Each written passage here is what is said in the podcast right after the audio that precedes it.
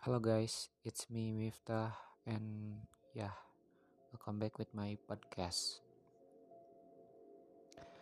Aku melakukan kesalahan besar di masa lalu sehingga kehilangan arah baik dan buruknya hidupku. Satu persatu orang yang paling aku sayangi pergi, bahkan diri aku sendiri menghilang. Setiap hari terpuruk dalam kesendirian sampai pada satu titik dalam hati berharap kepada Tuhan untuk memberikan pilihan yang terbaik agar membuat semuanya membaik. Percaya dengan kata orang bahwa Tuhan tidak akan memberikan cobaan di luar batas kemampuan umatnya. Terima kasih Tuhan sudah mempertemukan seseorang yang selama ini aku nantikan. Ya, dia datang dengan mudah meruntuhkan rasa ketidakpercayaanku kepada orang. Dia dengan mudah membuat hati yang keras selama ini menjadi lembut dia membuatku berpikir jika memang tidak ada orang baik di dunia ini, kamu bisa menjadi salah satu orang baiknya. Seketika dia mengubah pemikiran tentang ketidakpercayaanku selama ini.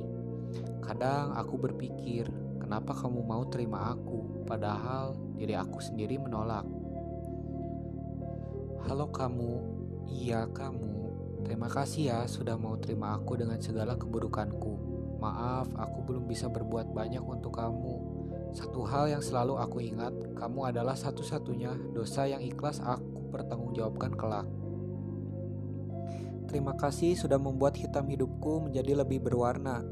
You mean everything for me and I was so lucky to have you.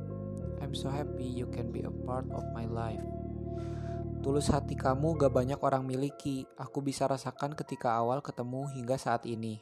Dan ternyata itu ciri khas kamu, setiap hari rasa sayang aku berkembang sama kamu. Terus bahagia ya sama aku. Aku sayang kamu. You are my universe. Sabtu 12 November 2022. For someone special, Risma.